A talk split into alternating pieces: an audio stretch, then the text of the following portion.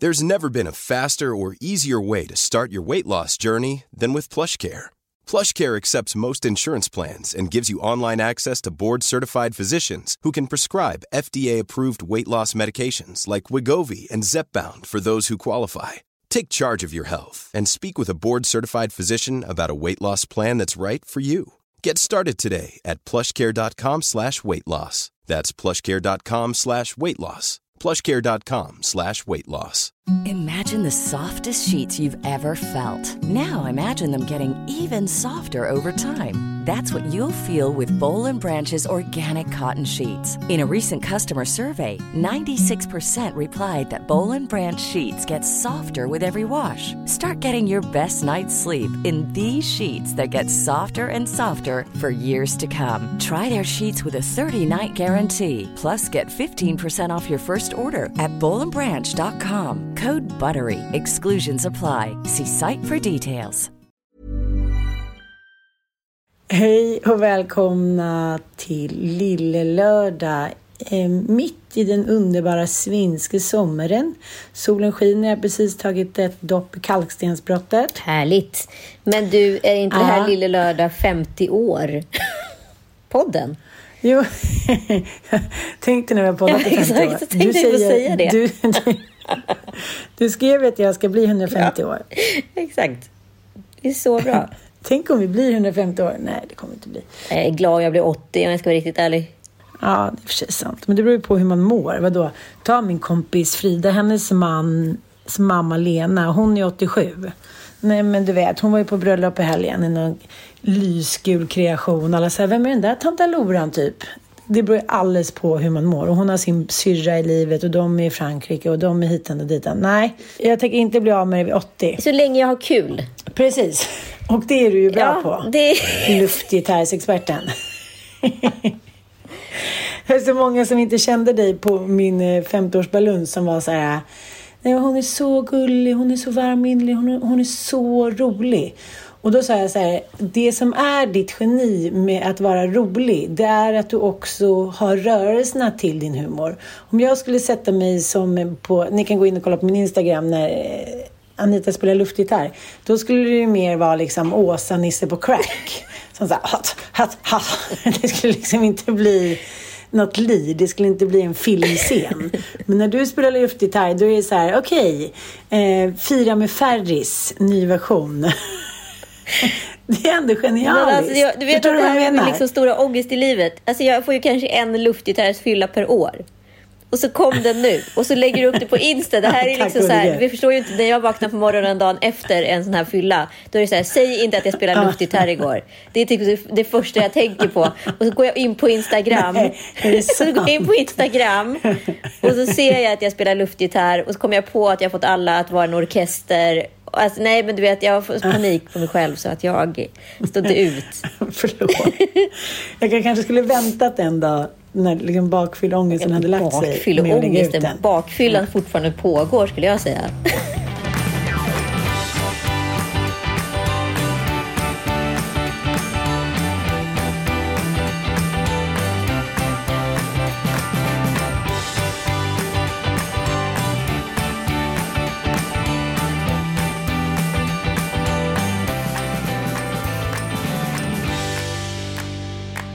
Ja, men det var ju så himla jobbigt innan för att så här, att gå runt och liksom hålla en hemlighet för en god vän, närstående etc. Det är ju lite som att gå runt och vara otrogen. Det, det, det ingår liksom lögner, konspirationer, duperingar, eh, rökridåer. Alltså liksom det är, mycket, det är mycket, mycket i spelet och jag känner att jag är liksom så jävla dålig på spelet. Du kanske inte kommer ihåg det här, eller förmodligen gör du inte det, att jag sa när vi poddade senast hemma hos mig eh, att vi ses ju på lördag, det blir skitkul. Ja, ja, men det är inte så här. Det är inte så att jag inte har trott att någonting ska hända. Att jag ska här, gå ut i Visby stad och sitta och ta en gravöl på min 50-årsdag. Det har jag ju inte haft någon föreställning Nej, nej, om. nej, precis. Men du vet, man är ju så Nej. nojig på andra sidan för man vill ju liksom inte håsa upp någonting för att man vill inte att du ska trycka på och få en förväntan av att... Du visste ju att du skulle träffa mig, så det var ju inte en konstig stä- Precis, sägning i sig. Men liksom jag såg ju vad jag såg framför mig och du såg ju vad du såg framför dig. Och där och Mm. då kändes det som att jag bara så här, fuck, nu, nu försade jag mig liksom. Jag fattar. Men, men så kände inte jag, för jag visste ju att du skulle komma. Det som man känner då när folk ska försöka föra en lite bakom ljuset är ju så här, vad ljummet intresset är för min persona på en väldigt stor dag i mitt liv. Och någonstans, kanske långt bak i, liksom, eh, i ens eh, gamla huvud så, så, så, tänker man, borde man ju tänka så här Ja, men det är klart att det inte är så himla enkelt. Om de ska överraska mig så kanske inte de kan hålla på och ringa mig och gaffla hela tiden. Men inte en gång tänkte jag så. Jag tänkte mer så här, jaha, hon skulle träffa den där Kalle och käka pizza. Ja, men det var roligt då, att käka pizzan. Men, ja, ja, men det är samma sak med Sanna som var så här, ja, men så tråkigt att inte vi ska ses. Hon gick verkligen all Nej, gud vad roligt, jag orkar inte. Uh, I podden hon bara säger ja ah, men jag är ingen barnvakt och du vet ju Ingalill med hunden. Hon pratar om den jävla taxen, operationer och kostnader och ryggmärgsbråck. jag bara säger ja men jag fattar, så Micke i Sydafrika hit och dit. Jag bara, jag fattar. Och så försökte jag låna hennes hus. Jag bara, men kan vi låna ert hus några dagar? Hon bara, nej, nej, Igor är ju redan där. Jag bara, Igor i huset? Ah, ja, nej men det, ing, allting var ju liksom om man skulle lägga ihop de olika synapserna så stämde ju ingenting. Men jag tyckte att det stämde Ja, men såklart. Men, men det är så konstigt. För det här tycker jag är återkommande när folk blir överraskade. Att man är såhär, men du fattade väl? Jag försa mig. Nej, jag blev så överraskad. Och nu när mina kompisar, eller när alla sa så till mig, men du fattar väl att vi höll på och ringde dig bara för att du skulle tro att det inte var någonting. Så jag bara, nej. Nej. Fan eller? Alltså för det här var liksom också så märkligt för att när du kom gående där över Stortorget liksom, då, tänk, då tänkte ja. jag så här, nej men hon fattar allting. Hon ser liksom ut att vara i kontroll. Hon har liksom full... Ja. Du blev liksom glad, men du blev liksom inte så här... Jag har ju ändå varit på några, några möhippor och liksom när man har lurat de brudarna, då, då ser de ju ut som att de så här har liksom... ja, håller på att dö, typ. Kommer aldrig kunna alltså, återhämta sig. Finnas en... Det kommer bara vara liksom en enklav resten av kvällen i liksom någon form av pip. Ja, jag fattar. Det, det, var ju inte du. Och då kände jag så här, fan, hon har nog inte lurad alls. Men sen slog mig en grej med dig under kvällens tal. För det var ju några tal. Det är ditt ja. kontrollbehov. Som man inte tror att du har. Du har ett otroligt ja, kontrollbehov. Vet, vet, du gör det som jag irriterar mig allra mest på. Du, spe, du spelar Nej, och ledig. du pratar under folk som håller tal till dig. Som att det är direkt ah, att ni har för ett samtal, fast det är ah, tal. Ah. Men jag tror att det blir roligare då, men det blir ju inte det, Nej, jag på sen. precis. Och då var jag så här, men gud, hon har sånt kontrollbehov. Hon kan liksom inte släppa garden. Hon måste ha kontroll på vad som sägs nu så att det inte blir läskigt här. Ja, som att jag måste ha sista ordet. Exakt, sista ordet kvinna. Ja. Kontrollbehovskvinna. det kan man inte tro med jag... dig, att du har kontrollbehov, men du har det. Jag tror du har mycket större kontrollbehov än vad man förstår. Ja, men det, det tror jag också. Att jag vill liksom, men jag tror att jag har också lurat mig själv ganska mycket under, under alla år. Att jag är så här, nej men jag har ingen kontroll på, ta mina barn, ta mitt hus, ta mitt liv. Men in i sista liksom sekunddetalj så är jag ju supernojig över att det inte ska bli på rätt sätt, det vill säga mitt sätt som jag tycker verkar bra.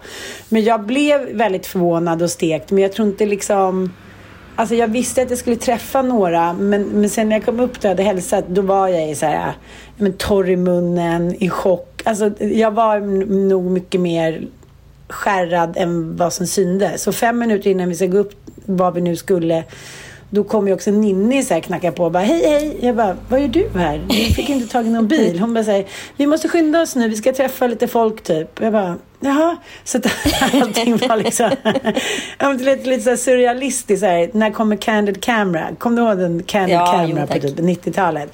När det, hela, det var ju så absurda grejer. Kommer du ihåg när Glenn Hysén kom och låtsades att han, men du vet, att han, han kom direkt från, eh, från en annan planet och grejer. De bara vad är det här? Var kommer det några gubbar från denna planet? På den alltså, tiden kunde man också köra på de typerna av skämt. För ja. att det, allt var fortfarande möjligt på 80-talet. Ja, men det var ju så sjuka liksom, ja, men lurendrejeri. Sånt som idag tror jag faktiskt inte skulle funka. Men sen så nu när man är med om såna här grejer, då är det så här. När man blir lurad, it all makes sense. Ja. Det är därför jag tror att människor kan komma undan med otrohet med liksom lurendrejeri med pengar, med oäkta barn och fan hans moster. För när någon lurar en så det handlar ju om någon godtrogenhet tror jag. Det, det, är inte den gamla amygdala som känner så här, nu är det en akut fara, någon försöker döda mig, någon försöker ta någonting. Utan det är bara så här, jaha, nej, jaha, människan är ju så godtrogen. Ja, alltså. verkligen. Verkligen. Ja. Det, vi pratade ju om det i någon tidigare podd. Liksom. Det finns ju en anledning varför vi fortfarande tror att Sverige ska ha chansen att vinna fotbolls-VM. Alltså det, det, kommer, det kommer liksom inte ske. Men vi tror ändå varje år. För att vi är mm. så hoppfulla och godtrogna. Och det är ju ett väldigt vackert mänskligt drag i, i grunden. Mm. Liksom. Men eh, ja, jag vet inte. Det var därför Gud levde så länge. Exakt. Innan vi tog koll på honom. eller han har inte alls tagit koll på att man säger eh, några av världens mest liksom, smarta människor, Lex till exempel, Bill Clinton som är så här, ja, nej men jorden skapades för 2000 år sedan och uh, ja, på sju dagar tog, du vet, man bara, nej men ni tror på det här, ni gör verkligen det. Jag tyckte det var så himla roligt med den här kvällen också för det var någon som sa att i tråden så hade, jag vet inte om det var du som var så här, nu är det ingen som bangar under kvällen utan alla är kvar, ingen går hem, nu kör vi all in liksom. Ja, leave no prisoners. Det var inte jag, ja, men jag vet ändå. Ja.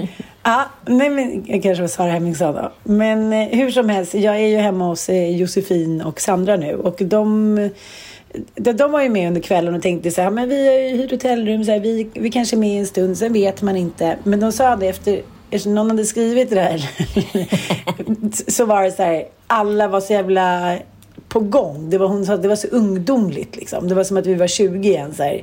In med drinkar, in. Och det var ju också inte så, så bra med den här maten som då bestod av förrätt popcorn med gruyère.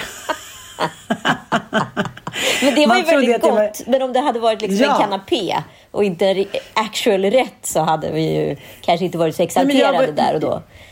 Nej, men jag var ju tvungen att gå in och kolla om det där var att de hade lurat oss att det inte fanns en sån där meny. Men det fanns ju en sån där meny. Det fanns en Gruyère, popcorn och sen var det tre små sen var det tre små rödbetor, i och för sig jättegoda på någon liten sås. Och sen var den fantastiska varmrätten. Mm.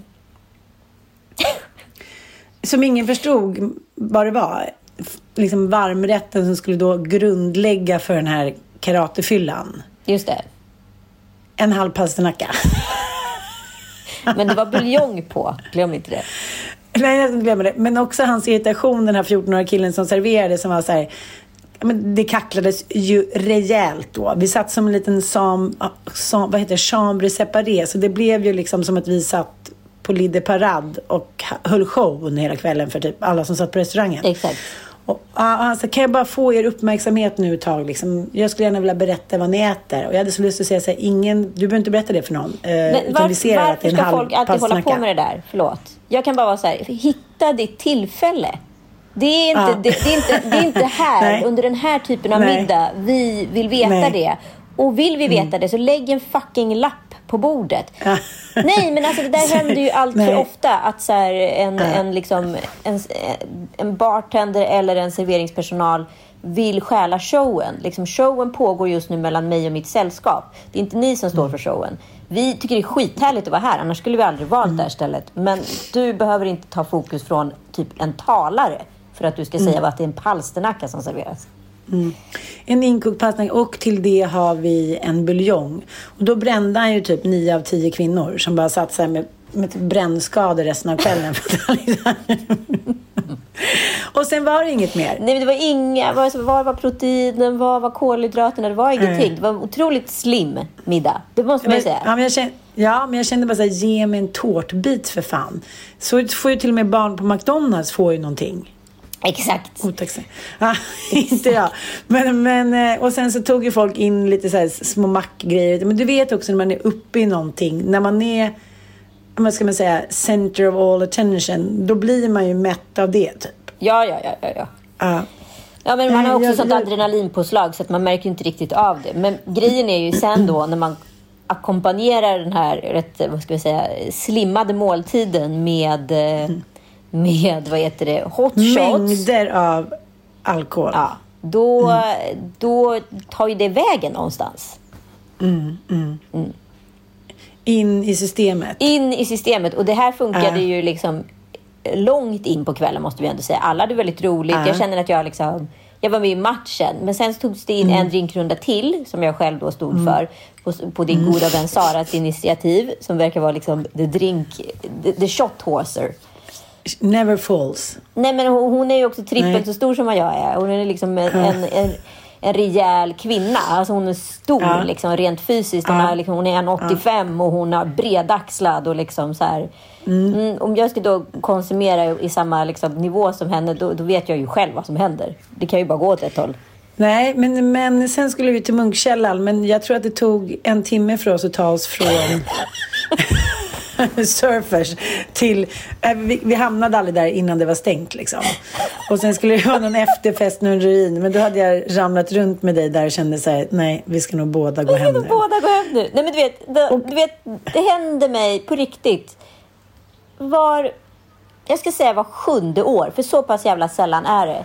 Du vet när fyllan tar i kroppen, men inte Ja, i huvudet. ja. När så här, kroppen inte är att räkna med. Jag säger, min, hela min högersida, och det är alltid höger sida, den är liksom förlorad. Mitt bena ben är gelé. Ja. Jag kan inte stå upp.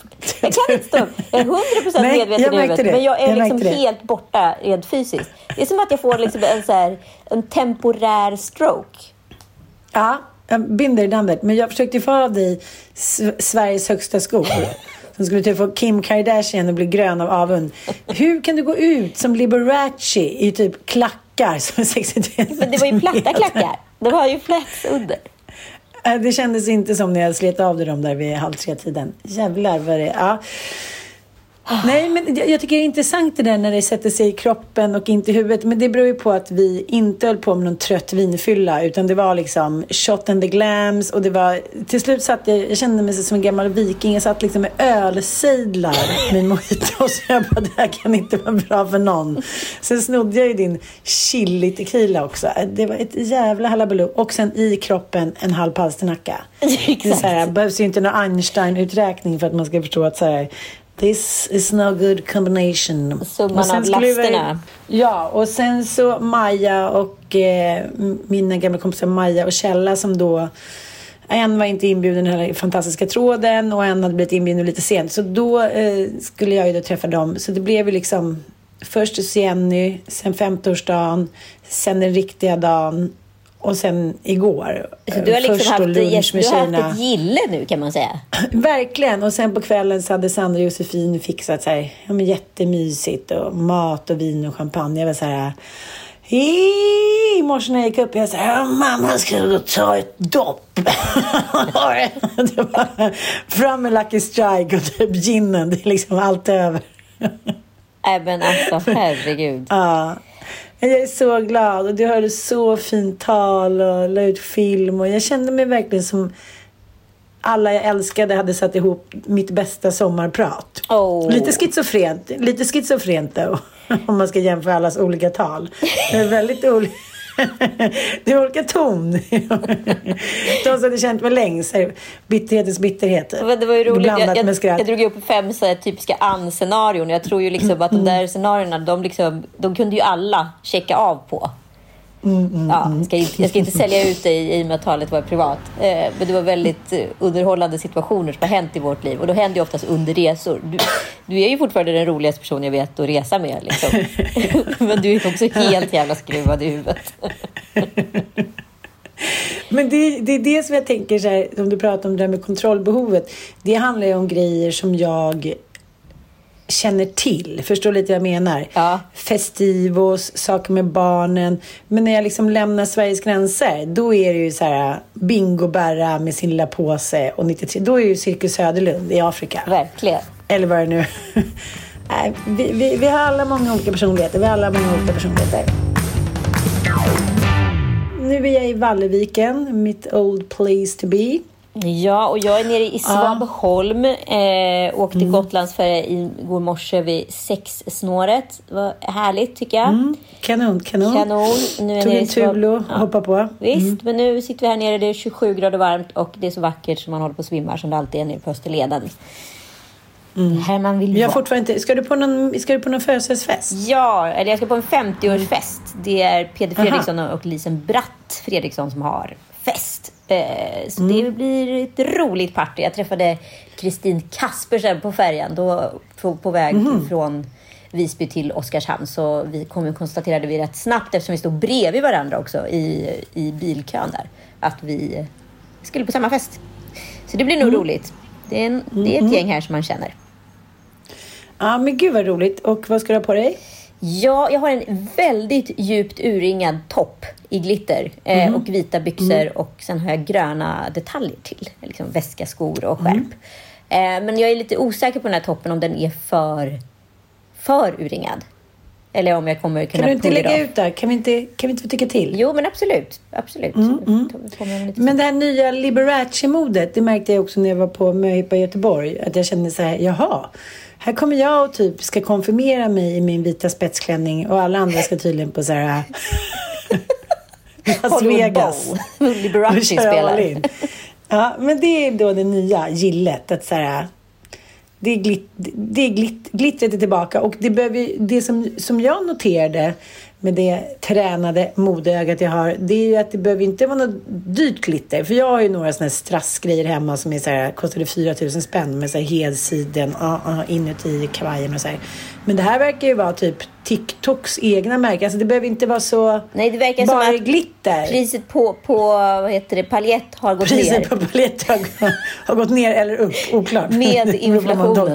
Oklart. Ja, jag fattar, jag fattar. Men det är nu trendigt. Det är nu väldigt trendigt och det verkar vara sommarens grej. Jag kör på mig jättemycket glitterkläder och- jag kommer på att så här, för att jag har några glitterplagg i min garderob och de har liksom hållit år ut och år in. Jag tröttnar aldrig på dem och då tänker jag så här, då är det väl bra att ha en glittergarderob. Alltså man har lite olika. För det funkar ju alltid att slänga på sig en glitterkappa eller glitterkavaj till ett par jeans. Alltså det är ju, det är ju liksom ett väldigt användbart Ja, ja. plagg. Och sen kan man ta av det lite senare om man bara vill ha det som en accessoar eller vad det nu är. Men man blir väldigt glad av glitter. Det blir man ju. Det blir ju fest Ja. med glitter.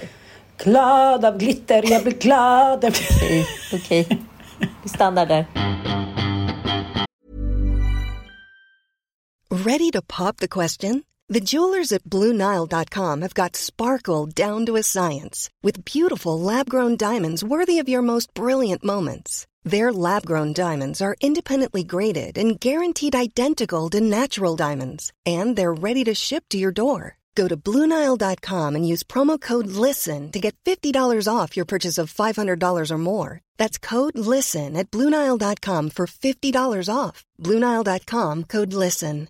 Imagine the softest sheets you've ever felt. Now imagine them getting even softer over time. That's what you'll feel with Bowl and Branch's organic cotton sheets. In a recent customer survey, 96% replied that Bowl and Branch sheets get softer with every wash. Start getting your best night's sleep in these sheets that get softer and softer for years to come. Try their sheets with a 30-night guarantee. Plus, get 15% off your first order at bowlandbranch.com. Code BUTTERY. Exclusions apply. See site for details. Men apropå det här med kontrollbehov. Jag, jag, har, jag har liksom haft en spaning här under sommaren, eller jag och Joel har väl gemensamt haft det. Att vi ser, eh, vi har sett några som har liksom totalt förlorat kontrollen. Och det är papporna. Tack. Jag har också gjort den spaningen, men också papper, hur papper sen blir, också när barnen blir äldre. Hur, hur fria och glada de blir då. Jag säger hundduschen, så kan vi fortsätta sen. Ja, vi har båda varit på Tofta. Jag var där igår. Och du var där dagen innan. Och jag fick lite annöd när jag, jag bara tänkte, när mina tre killar, de var ju liksom i sån rask följd. Så att dels blev det konkurrens om mig, dels blev det liksom, eh, I men, we'll just try to survive. Och dels levde jag ju med en man som kanske inte tyckte så här eh, strandlivet och vakta barn var det som var mest toppen. Utan han satt oftast uppe på något café eller någonting och rökte gosh och eh, drack en liten espresso. Så att det var ju liksom fullt upp. Och som min syrra brukar säga, det är bra att alla överlevde. Eh, det var i pooler, det var i vatten, det var bråk, det var sand, det var hundar och eh, totalt eh, lack of control liksom. Och det är eh, lite det som vi båda noterat att svenska män och pappor njuter inte under semestern utan de verkar eh, tvärtom få en ganska svår depression och liksom kontrollförlust och vill bara se tillbaka till jobbet. Typ. Ja, och det är det här som jag tror liksom är problemet. De flesta svenska pappor jobbar ju kanske på ett större eller mellanstort företag. De är fortfarande inte kanske... Alltså, den största delen av dem är inte egna företagare eller konsulter. Utan då har de då slitit ett helt år för att få de här fem veckorna och så har de hyrt då ett hus eller har en husbil eller vad det nu är. Mm. Åker till Tofta där barnen försöker, vars enda uppgift är att försöka sakta mörda varandra. Liksom. Med sand? Med sand, attiraljer, tillhyggen etc. Vi såg liksom en farsa som så här bar då sin ena treåring som sprattlade friskt över ena axeln. Och det andra barnet togs om hand av något äldre syskon, varav det liksom tredje eller fjärde barnet, en syrra, hade då fått sand kastat av de mindre barnen i ögonen. Puttat de här två barnen så hårt så att det var liksom på att bli ett inferno där som var tvungen att skingra gruppen. Eh, den blicken pappan hade, eller det, det, liksom det som fanns i ögonen på honom, det var ju så här, jag vill dö. Alltså det var bara det, var bara det man såg. Mm. Mamman kunde liksom stänga av och bara gå in och så här, this too shall pass mode under tiden mm. pappa var så här, jag vill dö. Det är det här jag jobbat för ett helt år, att få bli förnedrad, kränkt på det här sättet. Jag såg en annan pappa i färjekön som då sitter i baksätet med den ena sonen, varav mamman som kör bilen sitter i framsätet med den andra sonen. Man ska behöva skingra de här två barnen då med en barriär på mitten i form av ett säte. Mm, mm, Men trots mm. allt så lyckas då det yngre syskonet i baksätet försöka mörda det äldre syskonet och tvärtom. och jag ser en pappa stirra tomt ut genom ena liksom vindrutan och tänka jag vill dö. Alltså, det, det, är så här, det, så här, är det här min avkomma? Det är här alla pappor tror jag börjar ifrågasätta om de faktiskt mm. borde göra det. Är jag far till det här barnet? Är det här verkligen mitt mm. DNA? Det är här man börjar skylla det... på den andra partnern. Det här går åt helvete. Och tyvärr så måste jag säga att det är här som eh, man ser en stor skillnad på eh, föräldrar som bara har pojkar och föräldrar som har bara flickor eller en flicka och en pojke under en viss period. Sen så vänder det där lite tonårstiden och är så här, right back at you. Men jag tycker, eftersom jag själv också varit med, och nu är inte mina små killar, liksom, det blir inte lika tydligt eftersom de har tre vikingar som så här, sätter dem på plats om de försöker göra någonting. Vi är liksom, vi är en klan som åker omkring. Ja. Det är så här, vikingamodig, vikingalillmodig och det är inte lika tydligt. Men jag kommer ihåg ändå när de säger varje gång skulle de bråka om vem som skulle få sitta fram. Ja. Varje gång man skulle hoppa in i en bil. Nej, men det var så här, om man, jag kommer ihåg några gånger vände jag mig om och bara så här, jaha, det är blodvite. Vem har dödat vem? Oklart, alla verkar vara levande. Vem kommer komma fram i liv? Nej, men, ja, men så här, man var så uppgiven så att det var mer ett konstaterande bara så här, okej, okay, där var det någon som fick man gå emellan med så här, livet som insats. Det var några år som var liksom vedervärdiga. Ja, jag fattar och, det. Eh, och då var i Sverige till exempel, jag känner så här, allting blir förmildrande utomlands. För det är så här, beställ in en glass, kasta ner dem i poolen. Men, liksom, det är alltid varmt, de är lite utmattade och liksom hitan och ditan. Men i Sverige där det kan vara, men så som det är. Igår var det liksom lite disigt, ganska kallt. Det var inte jättekul. Alla låg på stranden, du vet i den här äh, hukar gubbar för nu smäller ja. stämningen. Man bara ligger raklång. Jag tänker så här, jag hoppas inte fienden ser mig. Och då blir det ju jävligt lätt, jag menar att allting blir kaos bara. För då har man själv lite irritation som du säger, mamman stänger av och är så här Mm, här hittade jag en liten damernas värld. Vad trevligt. Och airpodsen verkar funka så här. Nej, men jag tycker bara att det är sorgligt, för det är som du säger, att det verkar som att det slår papporna, att helt plötsligt ska de bara umgås med sina barn och de gillar inte sina barn så mycket just då. Och de här fyra, fem veckorna som de har kommer bestå av detta och då känns det så här, då är döden en liksom enklare utväg. Ja, men lite så. Lite så. Mm. Och jag har kollat på mm. den här skils, äh, Kärlek och skilsmässa nu som handlar om Lena och Johan som lever då i en relation. De filmades för 25 år sedan äh, när de var nykära och då hette första dokumentären Kärlek och fiskpinnar. Äh, och nu har då samma dokumentärfilmare gjort... Nu ska de skiljas, de är plus 50, levt ett helt fullägt liv tillsammans. Alltså, tillbaka till det vi har pratat om tidigare att ja, till döden skiljer oss åt har alltid varit runt Mm, 25 år i snitt och sen så har man antingen dött på steppen eller i barnsäng eller i krig Mm, etc. Men nu när vi lever liksom fullängdsliv i en relation då kanske man tröttnar då vid 50. Man inser, Lena inser att hon upplever att hon har varit väldigt ensam mycket under barnåren.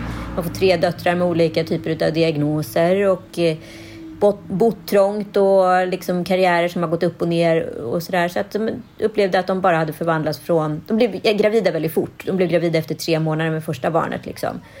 Eh, och sen så återhämtade sig aldrig sexliv eller någonting riktigt efter det där. Utan de blev vänner väldigt, väldigt fort i livet. Otroligt stark eh, skildring på SVT som man kan se. Eh, och nu då vid plus 50 så ska båda då starta om eh, sina liv. De skiljer sig, men som vänner. Och eh, ja, så länge ingen annan har träffat någon annan partner så, så vad heter det, eh, är det ju ingenting Kan som... man förbli vänner? Kan man förbli vänner, precis. Mm, mm. Eh, nej men så, det, ja, den är otroligt stark och liksom eh, hur man då delar upp ett liv var väl det som också var mest drabbande. Vem tar vems täckning? Vem, vem bor kvar i lägenheten? Alltså jag kände väldigt mycket i min egen skilsmässa hur det blir liksom att ja, men som kvinna att man behöll liksom domänen eller vad man ska säga där barnen är rotade under tiden pappan då som voyeuren flyttar till något litet mindre skiffe och liksom startar om på något sätt. Eh, och så fick man då se efter ett tag in i relationen och det blev en väldigt spännande och intressant vändning. Så ja, jag ska inte ge bort slutet, men se den skulle jag varmt rekommendera. Men så tänkte jag väldigt mycket på det här med att vi pratar så lite, vi pratar så väldigt mycket om män och manlighet och alltihopa. Vi pratade inte om det sexuella kapitalet och testosteronet speciellt mycket och vad testosteron faktiskt gör en helt annan typ av programmering jämfört med oss kvinnor. Vi är ju faktiskt två helt olika väsen, även fast vi förnekar ibland rent socialt. Men jag kan tänka det också nu när man, många av mina kompisar är klimakteriet. Ja, man sitter på en middag och sen är det bara så här. Oj, nej, mina vallningar, gud rädda mig. Och så blir det så här, ja men det blir svettigt och rött och bla bla bla. Och många kvinnor blir liksom deprimerade. Känner sig som att de blir liksom dumma i huvudet. Eh, bara så här, jag vet inte hur man jobbar längre typ. Hur skriver man en grej? Ja, men, och barnen börjar bli större. Nu är inte det liksom så i alla fall. Då tänker jag att det är en ganska stor skillnad på de som fortfarande har småbarn och är liksom 50. Som jag och min kompis Frida till exempel. Vi är ju ett gäng som fick barn sent. Jag fick ju två kullar.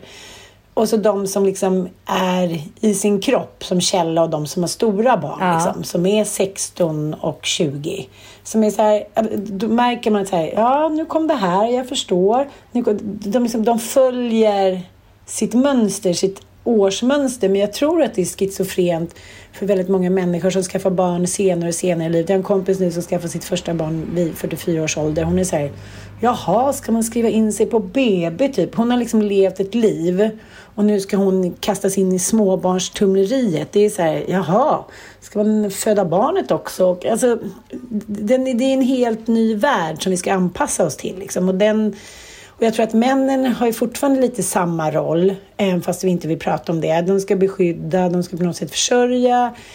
Eh, om det krisar eller när barnet kommer. För så fort vi blir gravida och får barn, då tycker jag, då, så har jag känt, då har jag kapitulerat. Då är det så här, nej men nu får du ta över. Jaha, men du har ju liksom eh, redigerat och så här, ambulerat den här familjen i massa år och sen så blir du med barn och nu att, männen får liksom haka på i allting och det måste vara som att se liksom, en jävligt schizofren och dåligt eh, manusbunden film. Liksom. Ja, men också så här.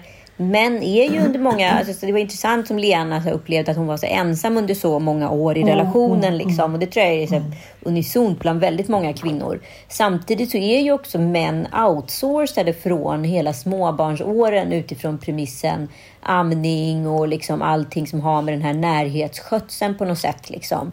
Det praktiska såklart inte, men, men jag kan tänka mig att som man är man ju också väldigt, väldigt isolerad och ensam i Det är det jag relationen. menar. Men eh, de är också mycket mer vana med det.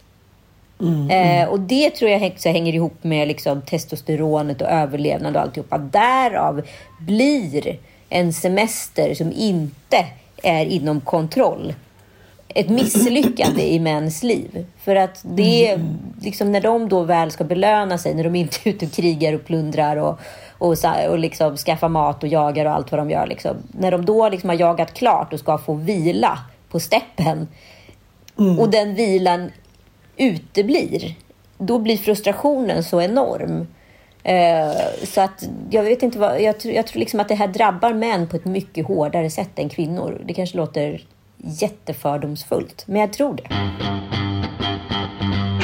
Nej, men det är någonting som jag har spanat in också är att det verkar vara så många män både i liksom den generationen vi är men också i generationen 40 och 50-tal som tycker liksom att barnen inte visar tillräckligt med respekt. Barnen är inte tillräckligt tacksamma för det de har gjort. De är så här... Barnen, jag vet inte hur många gliringar. Min, en kompis mig berättade igår så här, jaha, här ligger ni och sover. Mm. Frukost, ja, det är många av oss som käkar lunch. Ja. Jag kände lite det också med Mattias föräldrar. Så, jaha, där nere står det två schampoflaskor. Man bara, ja, jag tänkte gå ner. Alltså, de vill liksom att det ska vara det stör dem att inte liksom att man måste leva by the book ja, som de har varit liksom... tvungna att göra. De är avis tror jag. De är såhär, jaha. Fast det hänger ihop med det här kontrollbehovet. Sådär? Det hänger ihop med det här kontrollbehovet och liksom när du då är förbi tiden efter barn, då har du glömt bort hur det var. Så då är mm. liksom småbarnsåren, det är någonting okontrollerbart, det är något hotfullt, det är något obehagligt liksom. Mm, mm. Och då är två schampoflaskor ska... en ren provokation. Det är en brottsrubricering. Ja, det... I, I det perfekta livet. Men det är så konstigt, för när, när, man har semester och sen en liten stund in i semestern så tänker man så här, men gud, eh, det är fortfarande typ fem, sex veckor kvar till barnen ska börja skolan. Ja, och jag tycker liksom att jag har haft semester nu i månader. Jag har inte varit hemma i stan eller jag har inte varit inne i vårt hus sen 22 juni. Jag tycker så här, men nu är det väl klart. Ja, du har ju också så sinnessjukt lång sommar jämt. Jag förstår inte hur det går ihop. Men, men. Nej, men det går ju inte ihop. Och eftersom Mattias har nytt jobb så är det så här, ja men, ja. Jag vet inte riktigt, jag måste försöka hitta på någon lösning på det här. Fritids ja, brukar det heta. Ja, det är sant. Men Frasse börjar ju nu skolan, så då skulle han gå på någon jourdagis. Det klarar jag inte av. Nej, nej, ja, just det. Nej, det är det där jobbiga mellanåret, ja. Det kommer jag ihåg att ja, eh, ja, det drabbade ja. Penny. Och hon fick då gå tillbaka till sin gamla förskola om hon ville, men så ville hon inte. Ja, men du vet, det var mycket i det där. Mm, jag vet. Mm. Men eh, någonting som slår mig när man reser runt i Sverige, det är Alltså jag tänker mer och mer på det i olika sammanhang, vilket så här bruksspråk svenskan ändå är. Mm, att den är liksom... Alltså det finns en direkthet i svenskan som är så manufakterad, eller vad ska jag säga? Det är liksom, den, är, den är mm. skapad på ett arbetsgolv på något sätt. Ja, det, det, är liksom inte ja. ett kreativt språk. Det finns liksom inte... I franskan så finns det liksom ord och, som är liksom skapade efter skeenden och känslor. Så är inte svenskan, exempelvis.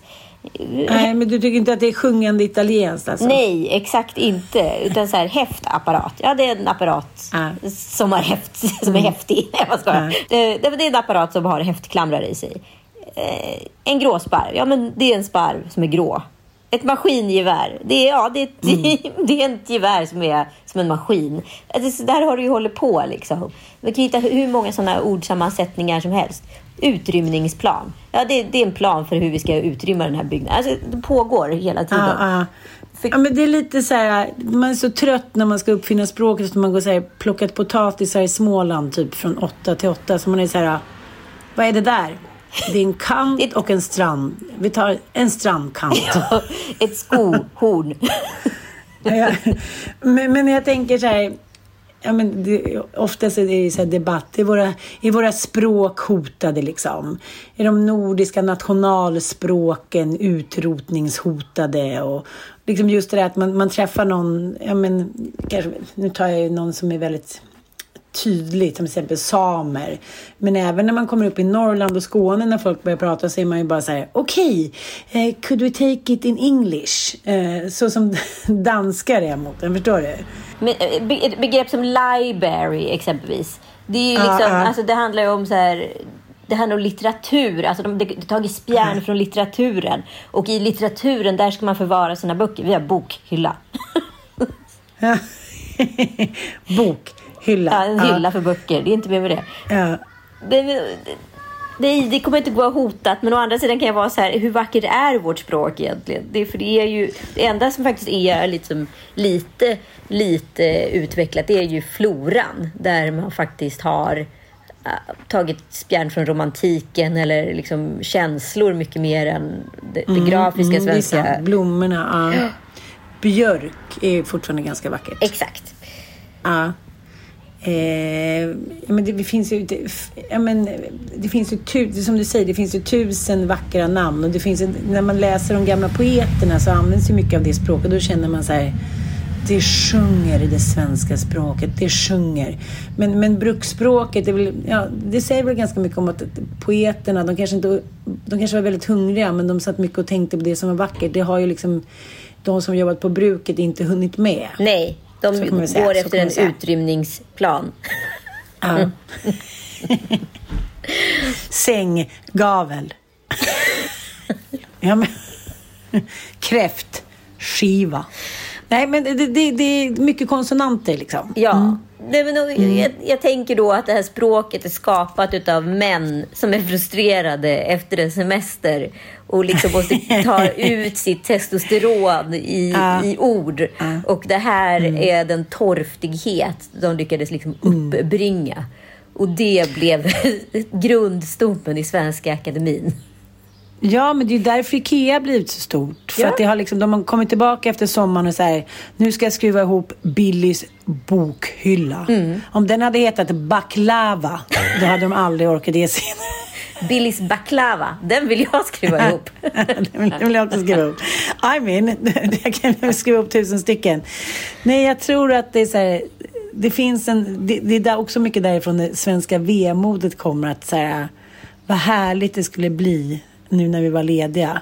Och så var det bara liksom en, en tydlig karta över alla små misslyckanden som, som, är, som är pågående i livet som vi kvinnor på något sätt skyler över med en karatefylla med underbara vackra kvinnor med tuttar, humor och ögonfransar och lite glitter.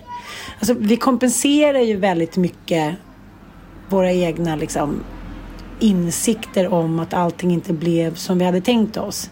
Ja, Ja, precis. som för min mamma, kaffe i köket och en cigg i radhuset. Alltså det finns livets små kärligheter och de har männen inte liksom nosat upp på samma sätt. De har inte så många att nosa upp det med och då blir de fågelskådare, incels, trötta, de tar en grogg. De, de måste bli mer Liberace, Precis. glitter och glamour. Ja. Exakt. Long live Jag tror the att det är det det gays. handlar om. Nej, men jag tror att det är det allting handlar om. För det är som du säger, the gay community som på något sätt har, har tagit här ett varv till. Den De lycklige vara- mannen.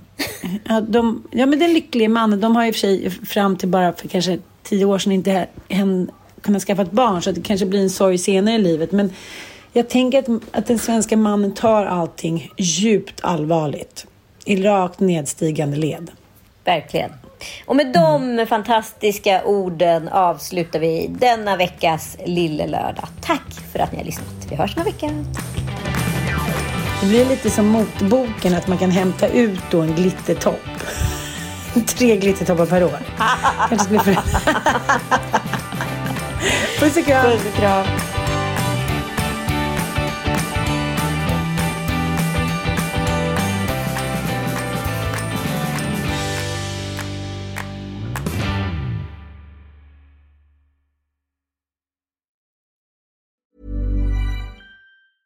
A lot can happen in the next three years. Like a chatbot may be your new best friend. But what won't change? Needing health insurance. United Healthcare Tri Term Medical Plans are available for these changing times.